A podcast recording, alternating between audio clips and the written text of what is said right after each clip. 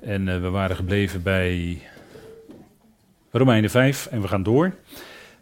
Nog even iets meer kijken in dat uh, evangelie. En dat is overstromende rijkdom, wat we ook al dan in dit kader ook hebben mogen bespreken met elkaar. De overstromende rijkdom van genade van God. En het gevolg daarvan is, u ziet staan Efeze 1, vers 7 en 8. Wij hebben als kinderen van de Vader de vergeving van de krenkingen. Dat is de opmerking die Paulus daar maakt in Efeze 1. Wij hebben de vergeving van de krenkingen. En dat is in overeenstemming met de rijkdom van zijn genade. De vrijkoping door zijn bloed. En die, laat hij, en die rijkdom van genade laat hij overvloeien in ons. Vers 8. dat is natuurlijk geweldig. Wij hebben als kinderen van de Vader de vergeving van de krenkingen. En een krenking is datgene waarmee wij het hart van de Vader verwonden. Zonder vaak, eh, ik denk toch vaak onbewust, zonder dat we ons dat bewust zijn. Maar we hebben niettemin de vergeving van de krenkingen. En dat is natuurlijk een uh, veel verdergaande iets dan alleen de vergeving van de zonden, zoals dat uh, klinkt in dat andere evangelie, om het zo maar te zeggen. Hè? Want het is hier in overeenstemming met de rijkdom van zijn genade. Daarmee is in harmonie dus al, al datgene waar wij het vaderhart nog mee zouden krenken, dat is ook, valt onder die vergeving. Hè? Dat is natuurlijk geweldig. Vader, om het zo maar te zeggen, laat het gaan. Hè? Letterlijk is het woord voor vergeving van aflaten. Dat betekent vader, laat het gaan. Hè? En, en, dat is naar zijn genade. En natuurlijk gebaseerd op het bloed van Christus. Hè? We hebben de vrijkoping door zijn bloed. Daar is het allemaal op gebaseerd. Anders zou dat allemaal niet kunnen zo. En we willen natuurlijk het vaderhart niet krenken. En toch Niettemin, onbewust en onbedoeld gebeurt het toch. En hebben we dan toch die vergeving. Hè, er staat ook, wij hebben de vergeving. Hè, want ja, ook die onbewuste dingen, ja, het is onbewust, dus we zijn niet eens in staat om daar eh, bij wijze van spreken vergeving voor te vragen. Nee, automatisch, hè, om het zo maar te zeggen, hebben we die vergeving. Dat is natuurlijk geweldig. Dat is de om het zo maar te zeggen, ons leefklimaat, waarin wij mogen leven in genade. Hè. Wij leven in genade, dat is ons leefklimaat. We moeten altijd letten op de voorzetsels die Paulus gebruikt, want dat is ook van belang. We leven in genade en we zijn verlost door zijn bloed. De verzoening is ook door hem, hè, van het al, door hem gebruikt, eh, zegt Paulus dan twee keer in, Romein, of in uh, Colossense 1 vers 20. Hè, door hem doorheen, hè, door zijn werk, door wat hij deed aan het kruis. Door hem, dat is het middel. Waartoe God, waardoor God het al met zich verzoent. En dat is natuurlijk het uh, geweldige wat wij mogen beseffen hè, in weerwil van anderen die dat helaas niet zo zien of niet zo, ja, ik weet niet hoe ik dat zeggen moet, niet zo zien, laat ik het zo maar zeggen. Maar God verzoent het al met zichzelf. Uiteindelijk de wederverzoening of de wederzijdse verzoening van het al. Hè, dus alomvattend. Omvat niet alleen de mensheid, maar ook alle geestelijke machten en krachten. Zo breed is die rijkwijde van de verzoening in Colossense 1. Dat mogen duidelijk zijn, denk ik. Dat is geweldig natuurlijk, daar leven wij ook in. En met dat besef leven wij ook dat als we die ander ontmoeten en die ander blijkt vijandig te staan tegenover God, of is atheïst, of agnost, of weet ik wat, dan nog mogen wij beseffen dat Vader diegene lief heeft. En er zal een moment komen dat ook van diegene de knieën zullen buigen. Dat gaat natuurlijk een keer komen. En dat geldt voor iedereen. Dat geldt voor de, wij zeggen dan de meest verstokte atheïst of de meest verstokte weet ik wie. Maar God bepaalt het, God bepaalt de tijd waarop ook die knieën gaan buigen. Want ja, de schrift zegt nu eenmaal luid en duidelijk vanuit Jezaja 45 dat alle knie zich zal buigen en alle tong zal God beleiden, zal je dat Jezus Heer is. Van harte. Overigens, van harte. Niet uh, gedwongen met voet op de nek, maar van harte. Dat is ook wat er staat. Dat is natuurlijk geweldig dat we die dingen met elkaar mogen delen. En dat is wat je hart verblijdt, ook als die ander blijkt ongelovig te zijn. En als het heel dicht bij je komt, dan is het lastig, moeilijk. Uh, heb je er verdriet van, je bidt ervoor. En toch wil diegene niet geloven. Dan hebben we wel die rust en die volle zekerheid van het evangelie dat die knieën eens zullen buigen. En waar we kunnen, willen we liefde betonen. De opvoedende genade van God, dat is natuurlijk ook, hè, dat is ook een kant van genade. Dat is ook genade, dat God je opvoedt. In die weg van het geloof. We zijn gelovigen, wij gaan onze weg in geloof. En in die weg van het geloof worden wij wonderlijk geleid en gecorrigeerd. Dat is het opvoedende karakter van genade. Door Hem. God is genadig en Hij voedt ons op. Hij laat ons niet zitten in. Nee, Hij voedt ons op. En dat deed Hij ook bij de apostel Paulus. 2 Korinthe 12, dat hebben meen ik, de vorige keer ook even aangestipt. Dat was die doren in zijn vlees, die bode van de tegenstander, die je met vuisten sloeg, waarvoor Paulus drie keer gebeden had. En God maakte hem duidelijk: Paulus, mijn genade is je genoeg. Ik neem het niet weg, mijn genade is je genoeg. En het is ook, en dat zegt hij in dat zevende vers twee keer, opdat ik mij niet al te zeer zou verheffen. Is dat, hè? Werd die doorn in zijn vlees gegeven een boodschapper zelfs van de tegenstander die je met vuisten sloeg. Dus dat, dat was nogal wat hoor. Dat was nogal wat, moeten we niet onderschatten. Als Paulus daar drie keer voor bidt. En God maakt hem toch duidelijk: Paulus, mijn genade is je genoeg. En dat is natuurlijk voor ons een voorbeeld. Want wij kunnen ook dingen ervaren als was het een doorn in ons vlees. Dat steeds datgene wat je maar prikt, steeds datgene wat je maar dwars zit. Of diegene die jou steeds maar dwars zit, kan ook nog. Dat kan een doorn in je vlees zijn. En diegene die jou steeds dwars zit, of misschien zijn het wel meerdere, in je dagelijks leven, in je werksituatie misschien, of anderszins. Ja, dat kan, uh, door die, die, die kan waarschijnlijk wel door de tegenwerker aangestuurd worden om jou dwars te zitten. Maar uiteindelijk is het God die dat in zijn hand heeft en die dat dan toch in jouw leven op jou wegbrengt, om het zo maar te zeggen. En dan zegt God ook tegen ons: Mijn genade is je genoeg. En dat is moeilijk, dat zijn moeilijke dingen. Dat is helemaal niet makkelijk. Dat is levenservaring, dat is levenspraktijk. Dat is wat je door de jaren heen leert. En dat is dan toch die opvoedende genade van God. Hè? Het is genade die opvoedt. En dat, dat noemt Paulus natuurlijk ook in Titus 2. En eh, misschien kunnen we dat wel even opzoeken, Titus 2, want daar wordt het ook letterlijk zo gezegd door de, de apostel. Titus 2. En lees ik met u even vanaf vers 11. En er staat van de reddende genade van God is verschenen. Of de genade van God is verschenen reddend voor alle mensen. En dan staat erop, en voed ons op. en voed ons op. Dus die genade van God, of God in zijn genade, voedt ons op. Dat hebben wij nodig als mensen. Omdat we, ja, we hebben nog steeds dat, uh, dat oude lichaam en, dat vlees wat steeds maar weer, uh, hè, dat vlees, vorige keer zei ik dat toch, meen ik. Uh, vlees kan zo ontzettend taai zijn in ons leven. Dat steeds maar weer die oude dingen toch de kop op willen steken. Dat hè, dat. daarvoor hebben wij die opvoeding nodig dat is, uh, ja, dat, dat kennen wij natuurlijk wel uh, vanuit het Grieks. In, in ons taalgebruik is dat ook binnengekomen vanuit het Grieks, de pedagogiek. Hè. De, de, de, de wet was voor de Israël, zegt Paulus in de gelaten brief, een leermeester of een opvoeder.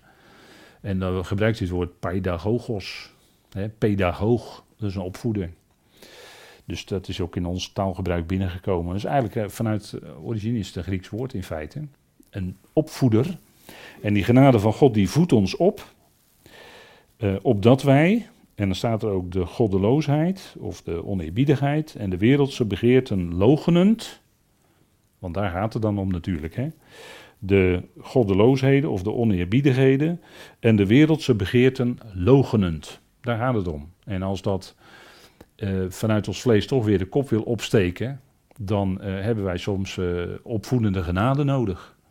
Opdat wij die wereldse begeerte inderdaad logenen in de praktijk van ons leven. Want daar gaat het dan over. Hè? Dus die oneerbiedigheden, hè, dat wat oneerbiedig is naar God toe, dat wat van God afwijkt, en de wereldse begeerten, en dat kan natuurlijk heel breed zijn. Het kan van alles zijn. Waar mensen naar jagen en dat vult dan hun hele leven. Ja, dat, je kan het zo gek niet noemen tegenwoordig natuurlijk, hè, maar alles wordt nagejaagd. En, uh, en, en, en als je daar als gelovige, ja, daar zouden we alert op zijn dat je ook niet uh, wat dat betreft een klap van de molenwiek meekrijgt. Dat, uh, dat kan zomaar gebeuren natuurlijk. Hè. Mensen zijn vaak uit op macht, geld, bezit, seks, noem alles maar op. Al dat soort dingen. En ja, dat is als gelovigen worden wij bewaard. Hè, daar hebben we opvoedende genade voor nodig.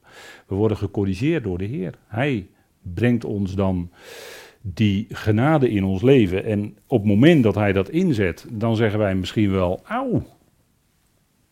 En later zijn we er heel blij mee. Achteraf zijn we er heel blij mee. Zijn we er dankbaar voor. En dan danken we de Heer dat hij die opvoedende genade in ons leven heeft ingezet. Zodat wij op hem gericht blijven leven. Hè, blijven wandelen tot zijn eer. In eerbied, hè, zoals ze dat dan noemen. Uh, God goed vereren. Hè, Eusebia, Eusebia, hoe moet je dat zeggen in het Grieks? Op die manier, hè, zodat we in deze tegenwoordige eon, zegt Paulus, verstandig, rechtvaardig en godvruchtig leven.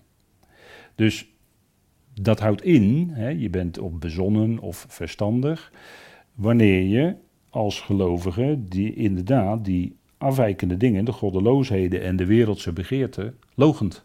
Dan ben je verstandig. Vanuit God gezien. En zo leven in deze tegenwoordige eon, je niet laten meeslepen door al wat de wereld najaagt, maar op God gericht leeft en najaagt wat Paulus in zijn evangelie aangeeft. Wij jagen na liefde, gerechtigheid, geloof. Dat is wat Paulus in zijn Timotheusbrieven onder andere zegt. Hè.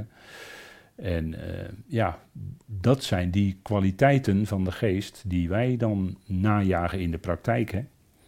In deze tegenwoordige eon, want het is een boze eon. Nou, als ik dat tegen u zeg, is het intrappen van de open deur, want dat weet u maar al te goed, denk ik. We leven in een boze eon, de eon waarin de boze de God van deze eon genoemd wordt. En waarin die zeker een uh, behoorlijke macht uitoefent over de mensheid. Via allerlei instrumenten natuurlijk. We, we leven in de boze eon. En uh, dat wordt hoe, la hoe langer de tijd vordert en wij hier nog zijn, wordt dat steeds duidelijker, denk ik. Hè, hoe, hoe diepgaand, uh, ja, wat zal ik zeggen, hoe diepgaand de corruptie is overal. De macht van het geld. Corruptie. Boze eon. Dat is, dat, is wat, dat is natuurlijk wat speelt aan alle kanten. Hè? En uh, ja, dat wat mensen doen, dat het vaak, uh, ja,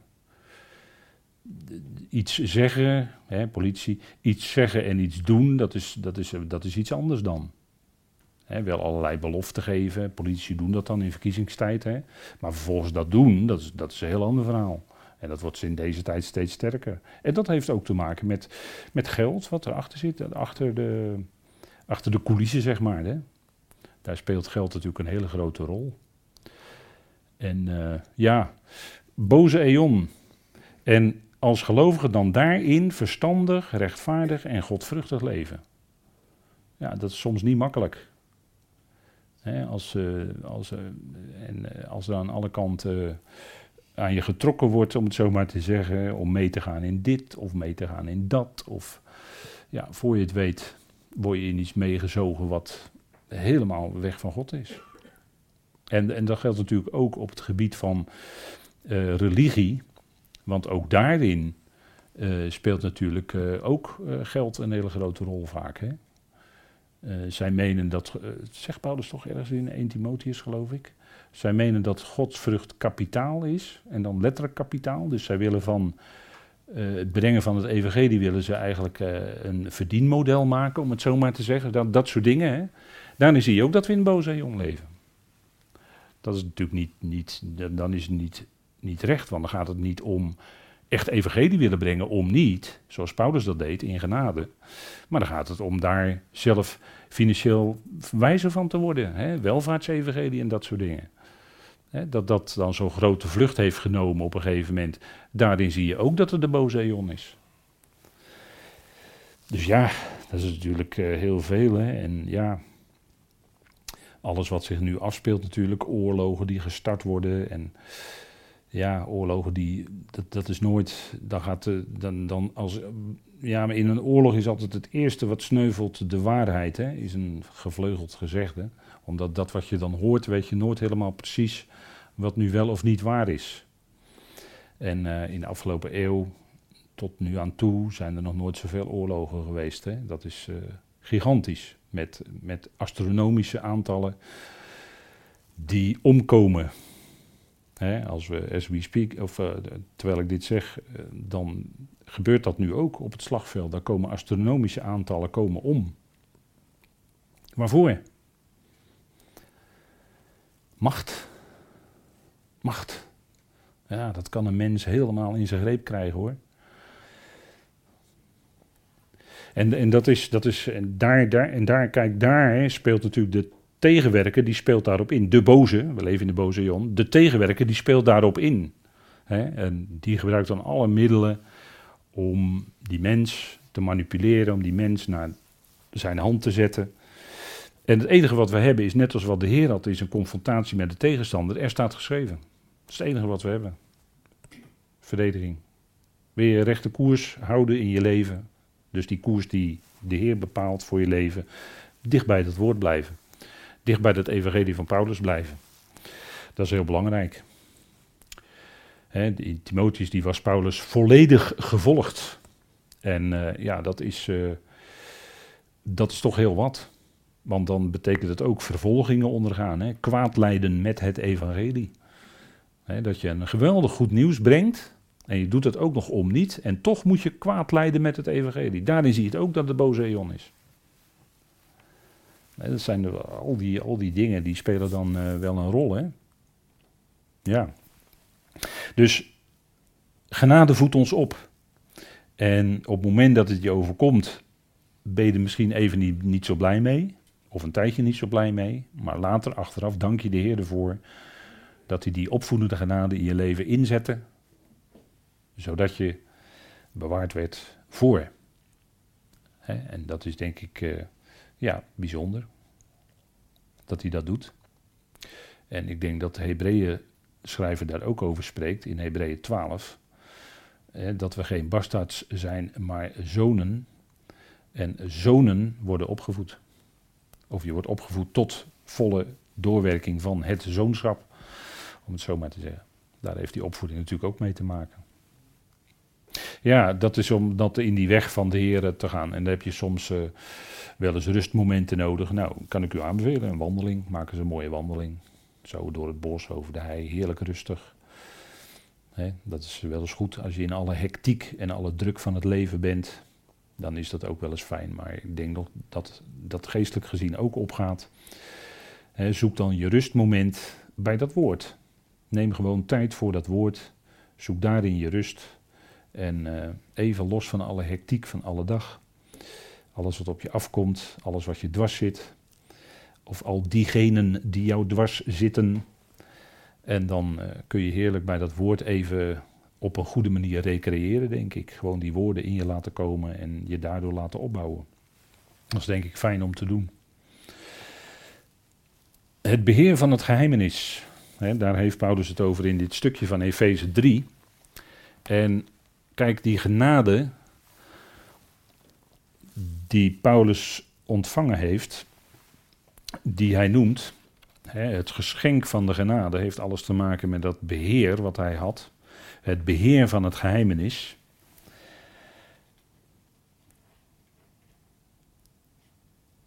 Is met kracht. God geeft daarin zijn kracht.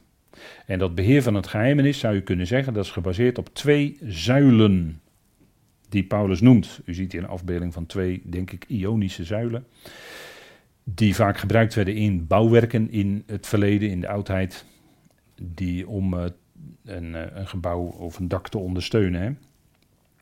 En uh, die noemt hij in vers 7. Daar zegt hij, waarvan ik dienaar werd in overeenstemming met. En dan de eerste zuil is het geschenk van de genade van God dat mij gegeven is. Dat is die eerste pilaar of zuil zou je kunnen zeggen. En het tweede is in overeenstemming met de werkzaamheid van zijn kracht. Die twee, dat is fundamenteel. Dat zijn zuilen die wij, uh, ja, die wij aanmerken en dat is waar het alles op staat. Hè? Het beheer van het geheimenis staat vast en dat is ook onwrikbaar. Hè, dat, is een, dat zijn zuilen die niet omvallen. Er kan geen aardbeving zijn dat die zuilen zouden omvallen. Nee, dit blijft staan. Het geschenk van de genade van God en de werkzaamheid van zijn kracht. Paulus was dit, dat beheer gegeven.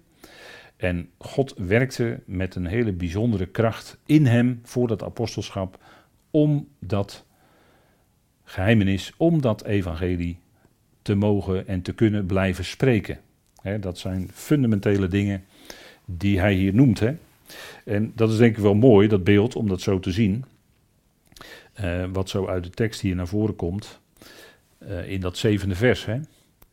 En hij was daar dus een diakonos in, een dienaar. Het geschenk van de genade van God. Nou, we hebben enkele aspecten daarvan even de revue laten passeren vanavond. En dat was aan Paulus gegeven. En dat was in overeenstemming met de werkzaamheid van zijn kracht. En als die woorden gebruikt worden, dan kun je ook terugdenken aan wat hij zegt in dat eerste hoofdstuk. Uh, die geweldige kracht is dat, waarmee hij zijn zoon Christus Jezus uit de doden opwekte en aan zijn rechterhand heeft gezet boven alle overheden, machten en krachten. Die kracht, daar heeft hij het dan over. Daar refereert Paulus in feite aan door deze woorden te gebruiken. En dat is natuurlijk geweldig groot, die kracht. En die kracht die werkte in Paulus. En die kracht werkt ook in ons. dat, eh, dat zegt hij ook in dat eerste hoofdstuk. In vers 19. En wat de overstijgende grootte van zijn kracht is, voor ons die geloven, in overeenstemming met de werkzaamheid van de macht van zijn sterkte. Dus dan gebruikt hij allemaal woorden die te maken hebben met Gods kracht, met Gods sterkte, met Gods werkzaamheid. En dat werkt in ons. Paulus zegt het is voor ons die geloven, nu in deze tijd. En die kracht die is toch iets bijzonders. Die kracht geeft je het vermogen om door te gaan in tegenslag, in moeilijke omstandigheden. Die kracht geeft je ook zicht het is ook, de ogen van je hart zijn ook verlicht geworden door de inwerking van Gods geest in je. En heb je zicht zoals, zoals het zit in deze tijd. dat zijn allemaal dingen die ja, voor ons wezenlijk zijn. Hè? En vandaar dat dit ook hier kan gelden als een van die, figuurlijk gesproken, een van die zuilen. Hè? Waar dat hele beheer van het geheimenis uh, in feite op rust zou je kunnen zeggen. En wij gaan voort, wij gaan op de weg van het geloof. En dat wordt ook eh, in de schrift vergeleken met een schip. Want uh, is het niet zo dat uh, Hymenaeus en Alexander hun geloof had schipbreuk geleden? Is dat niet zo? Hè? In 1 Timotheus 1, hè? vers 20. Dus er wordt ons geloof vergeleken met een schip. En hun geloof had schipbreuk geleden. Dus kennelijk was hun geloof, om het zo maar te zeggen, op de klippen gelopen. En wat zijn nou bij ons in ons leven klippen waar ons schip van geloof tegenaan kan varen.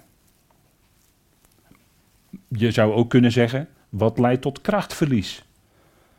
wat doet je je geestelijke kracht verliezen of verminderen? Want je wil natuurlijk die, die, die kracht, dat het blijvend in je, die werkzame kracht is, waardoor je echt kan leven. Nou, ik heb er een vijftal voor u. Het eerste is op het aardse koninkrijk van Jezus Christus hopen en dat verkondigen. Of, in het verlengde daarvan, wereldzending doen om zijn wederkomst voor te bereiden. Dat is zo'n clip waar je geloof dan op kan stuklopen. Want dat is niet het programma wat de Heer voor het lichaam van Christus heeft bedoeld. Dit is het programma voor het evangelie. In, uh, dit is het evangelie van de besnijdenis. Dit is het komende aardse koninkrijk. En dan zijn wij boven dat koninkrijk van Jezus Christus op aarde. Daar hebben wij nu eenmaal geen deel aan. Dus als je daar nu heel erg mee bezig gaat houden, de verbetering van deze wereld en de komst van het koninkrijk voorbereiden, wereldzending doen en uh, dat soort dingen weet u wel. U kent misschien zelf nog veel beter al die cretologie die daarmee verbonden is. Dat is een clip. En als je daarin meegaat, dan uh, is dat een clip voor je geloof. Want dan stap je in iets anders wat God voor deze tijd niet bedoelt. Dat is, uh, dat, dat is waar we op zouden letten. Dus ja, kijk, en voor de pauze zei ik, kijk, er zijn natuurlijk heel veel mensen bezig, ook hierin, met hele veel goede bedoelingen. Dat zijn oprechte mensen met hele goede bedoelingen. En helaas hebben ze niet, dat is verdrietig. Dat, helaas hebben ze niet door dat ze bezig zijn in een ander programma dan dat God voor deze tijd bedoelt. Dus ze stappen ernaast. En dat, geeft je, dat, dat doet je geloof schade. En dat geeft ook krachtverlies in je geestelijk bestaan, in je geestelijk leven, in je geloof. Dus dat is denk ik wat we dan toch met verdriet moeten constateren. Een andere clip is.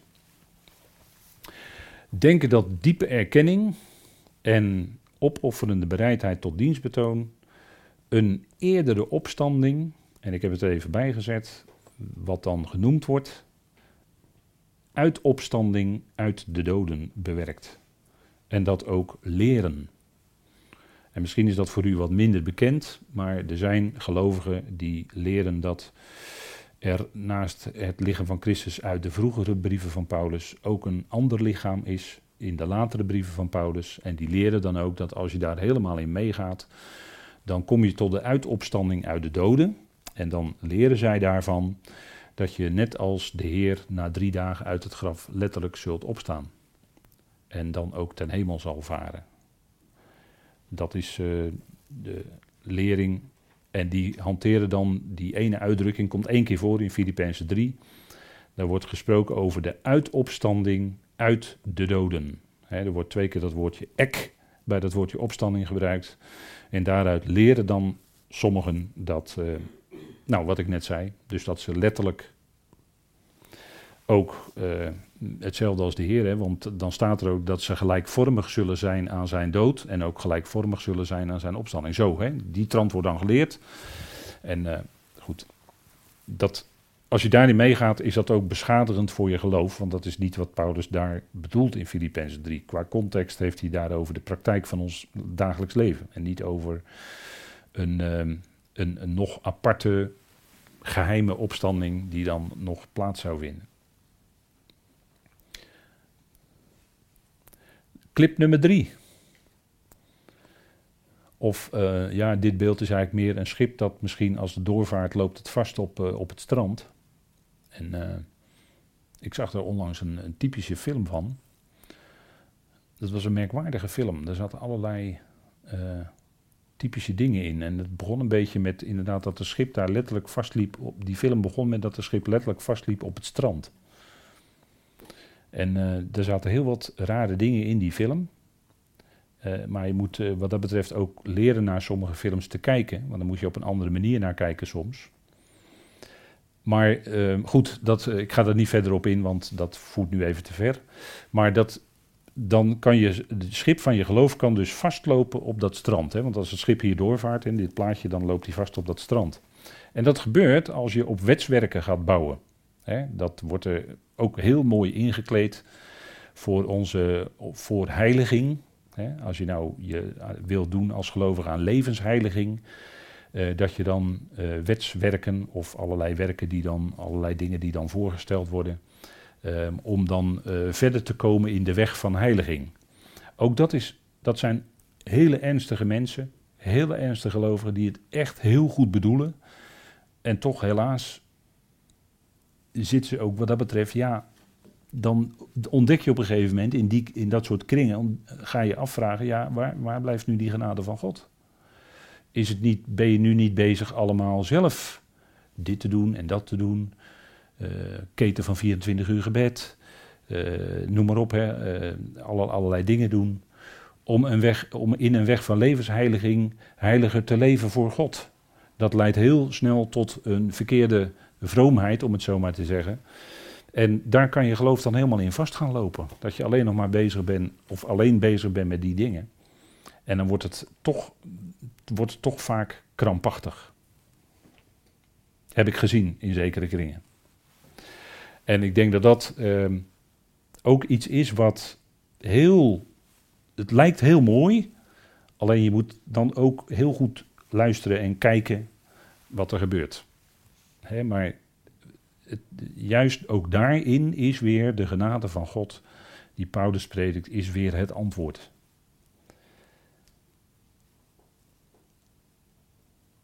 Clip nummer 4. En ze is niet uitputtend door, ik noemde vijf vanavond, maar er zijn nog meer klippen. Maar dan zie je dat als je op de weg, of eh, je vaart met je geloofsbootje, maar dan moet je steeds wel goed navigeren. Je moet de Heer je laten leiden in die navigatie. Want voor je het weet loop je zelf, loop je geloof op zo'n klip. Hè? Dat is het zoeken naar vleeselijke verbinding met Israël in bijvoorbeeld de leer van de tien stammen. Daar zijn diverse leringen hoor, van over de tien stammen, waar de tien stammen die door, ooit eh, door de, de Assyriërs zijn weggevoerd in ballingschap. dat was eerder dan de Babylonische ballingschap, de twee stammen. Maar er zijn hele leringen over waar die tien stammen dan allemaal terechtgekomen zouden zijn. En um, daaraan verbonden wordt ook uh, soms, ga maar eens zoeken naar je voorouders. En waren dat dan misschien ook niet, hoorden die misschien ook niet bij die tien stammen. En daar kan je dus helemaal in verliezen. En ik denk dat Paulus daarvoor waarschuwt als hij tegen Timotheus het heeft over eindeloze geslachtsregisters dat mensen dan geslachtsregisters na gaan lopen om te kijken of ze misschien wel zouden kunnen afstammen van een van de tien stammen. En ik kan voorbeelden noemen van mensen die dat gedaan hebben en die daardoor helemaal van het spoor van dit evangelie van Paulus af zijn geraakt. Ik bedoel, dat is dan ook zo'n clip, hè? Dat is ook zo'n clip. Want dan, waar ben je dan mee bezig? Dan ben je dus bezig met jouw afkomst naar het vlees. En dat speelt nu ten ene male, en dat is juist de Efezebrief, speelt in deze tijd speelt helemaal geen rol. We zouden ons helemaal niet afvragen of wij misschien van de. Ja, we staan uiteindelijk allemaal van Adam af, kan je ook zeggen. Maar we zouden ons niet afvragen of we eventueel van de tien of de een van de twaalf stammen afstammen. Dat speelt in onze tijd helemaal geen rol meer. Is helemaal niet meer van belang. God roept uit alle natieën mensen uit tot het lichaam van Christus. En in het lichaam van Christus is geen enkel onderscheid naar of je Jood of Heiden bent. En we hebben het volk Israël lief. En we bidden elke dag voor het volk Israël. Want het is Gods oogappel, zeker. Alleen als je de lijnen van de Efezebrief aanhoudt. In deze tijd speelt afkomst naar het vlees geen enkele rol. Dat is heel belangrijk. Dat is een heel belangrijk punt. Hebben we gezien. Dus ja, kijk. En je ziet dan wel eens ook een bepaalde ja, iets, naar, eh, ja, iets ontstaan. Uh, kijk, hier heb ik dan de, de de Ganouka-feest is net geweest. En dat is natuurlijk heel mooi. En in die zin leven we wel met ze mee. Alleen, ik, naar mijn mening, is het weer een stap te ver om nou met al die uh, inzettingen die aan Israël gegeven zijn, om daaraan mee te gaan doen. Het Loofhuttenfeest te gaan meevieren. Of de Ganouka-feest. Wat niet in de Torah staat, hè, maar goed, dat is op een gegeven moment ingevoerd geworden. En dat houdt men, vanuit, houdt men vast vanuit traditie. Allemaal prachtig, mooi. Alleen om daaraan mee te gaan doen, dat is nou net weer een stapje te ver. Naar mijn mening. En ik denk dat je dan dat een clip kan worden waar je dan met je geloof ook op kan varen. Nog één is je verwachting baseren op tekenen en tijden, datums aangeven waarop misschien wel de Heer zou kunnen komen. ik heb hier een plaatje, dat, omdat me dat deed denken, ik kwam dat tegen, omdat dat deed mij denken in begin jaren tachtig. Toen was er ook zo'n hele gedachte. Er was ook een bepaalde constellatie van planeten, die stonden dan allemaal zo in elkaars verlengde. En dat werd dan verbonden ook met dat dan de Heer wel, misschien wel terug zou kunnen komen met de bazuin. Hè, 1 Thessalonicense 4. En zo zijn er na die tijd ook talloze gedachten geweest van. En dat, dat steeds centreert zich dat om die gezette tijden van de Heer. eh, rondom het Lovuttefeest, hè, Yom Kippur en dan eh, eh, hè, ehm, de grote verzoendag en dan het Lovuttefeest daarna. Eh, dat steeds opnieuw, eh, bijna elk jaar zie je dan allerlei theorieën rondgaan. Van eh, ja, dat zou misschien wel eens de datum kunnen zijn. Of dat de Heer dan net daarvoor misschien wel voor de gemeente komt en wij hem tegemoet gaan in de lucht. Nou, dat is, maar dat is allemaal. En worden dan ook datums voor genoemd. En, eh, of jaartallen worden ook genoemd. En dat kan allemaal je geloof natuurlijk op de klippen doen lopen. Want als het nou niet uitkomt. en jij, jij stelt je hele geloof daarop in. en het komt niet uit, wat dan? Hoe- wat, wat betekent dat dan voor je geloof? Daarom denk ik dat wij, als wij de brief van Paulus volgen, geeft Paulus aan, wij verwachten hem uit de hemelen. Dat is wat Paulus zegt. Wij verwachten onze Heer uit de hemelen die ons komt redden, voor de verontwaardiging. Wij verwachten hem. Wij kijken niet zoals Israël naar de tekenen van de tijden. We kijken natuurlijk wel in de wereld ontwikkelingen. We zien ook dat het volk Israël daar is, in het Midden-Oosten. Dat is, dat is naar aanleiding van profetie. Dat is geprofeteerd. Zeker. Dus daarin zien we.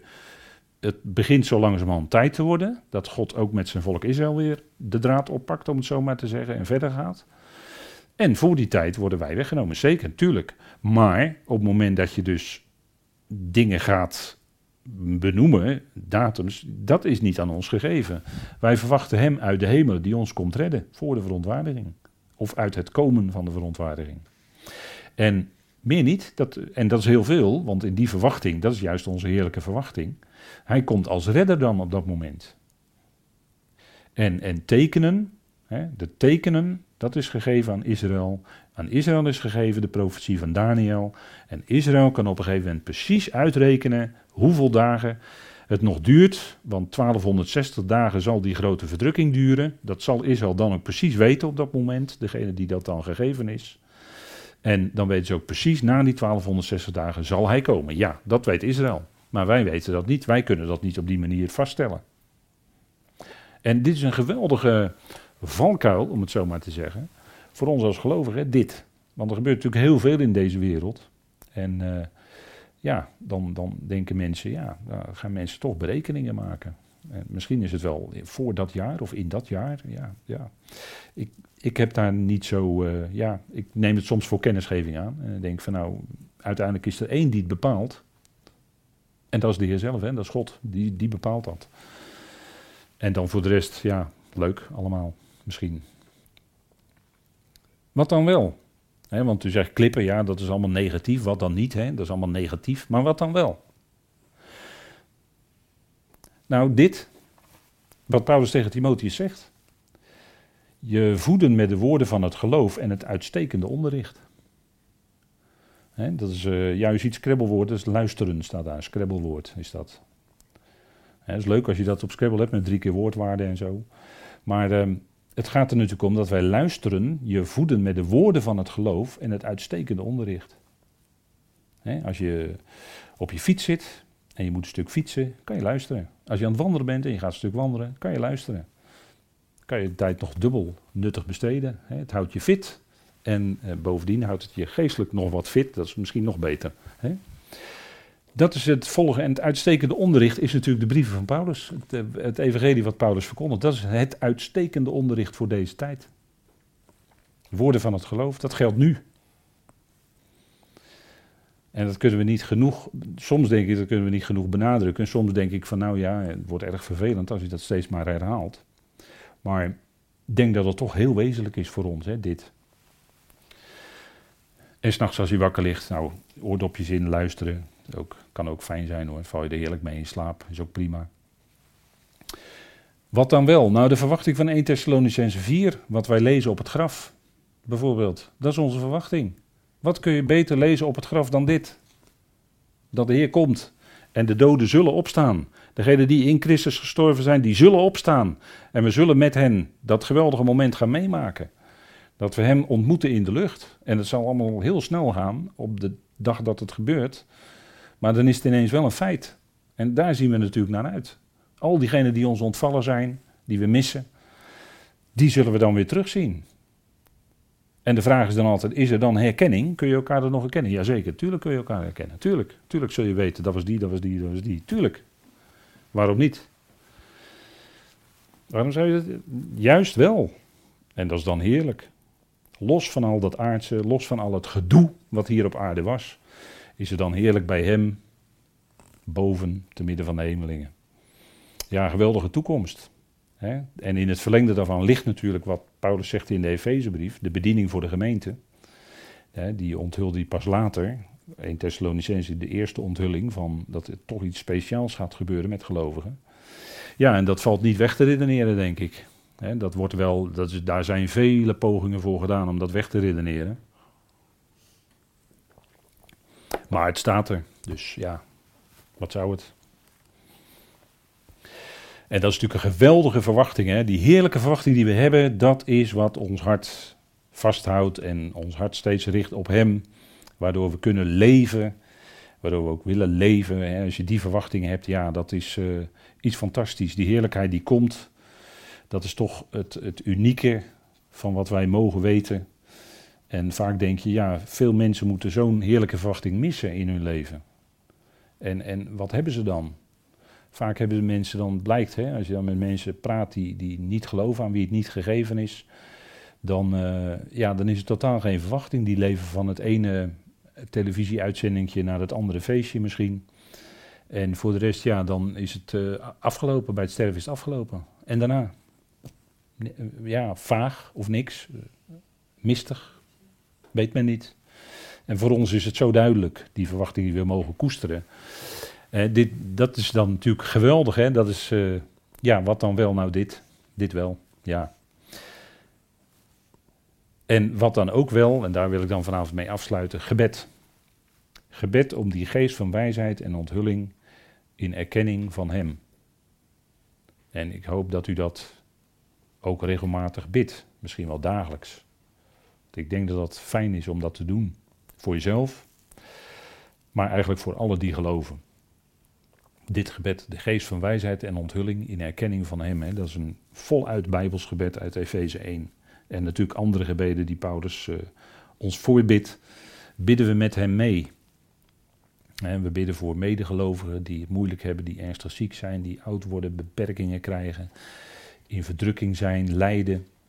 Ja, daar bidden we voor, dagelijks. En we noemen de namen. En we beseffen dat onze armen tekort zijn. En toch ja, de Heer zal ook hen die kracht geven die nodig is. Eh, daar mag je dan voor bidden, daar kunnen we dan voor bidden. De geest van wijsheid en onthulling in erkenning van Hem, dat heeft ook alles te maken met het, het verstaan en het uh, leven, de kracht, de werkzaamheid van Zijn kracht, die Paulus naar voren brengt in deze Efezebrief, die toch zo bijzonder is. Hè, wat, uh, wat, wat moeilijk is hoor, voor, voor veel gelovigen, die hebben daar helaas geen zicht op die, die toekomst, hè, die hemelse toekomst die wij hebben. Hè, dat heel vaak is het toch de gedachte, ja, we worden wel opgenomen, weggenomen, maar later komen we toch weer terug op aarde. Dat is bij heel velen de gedachte.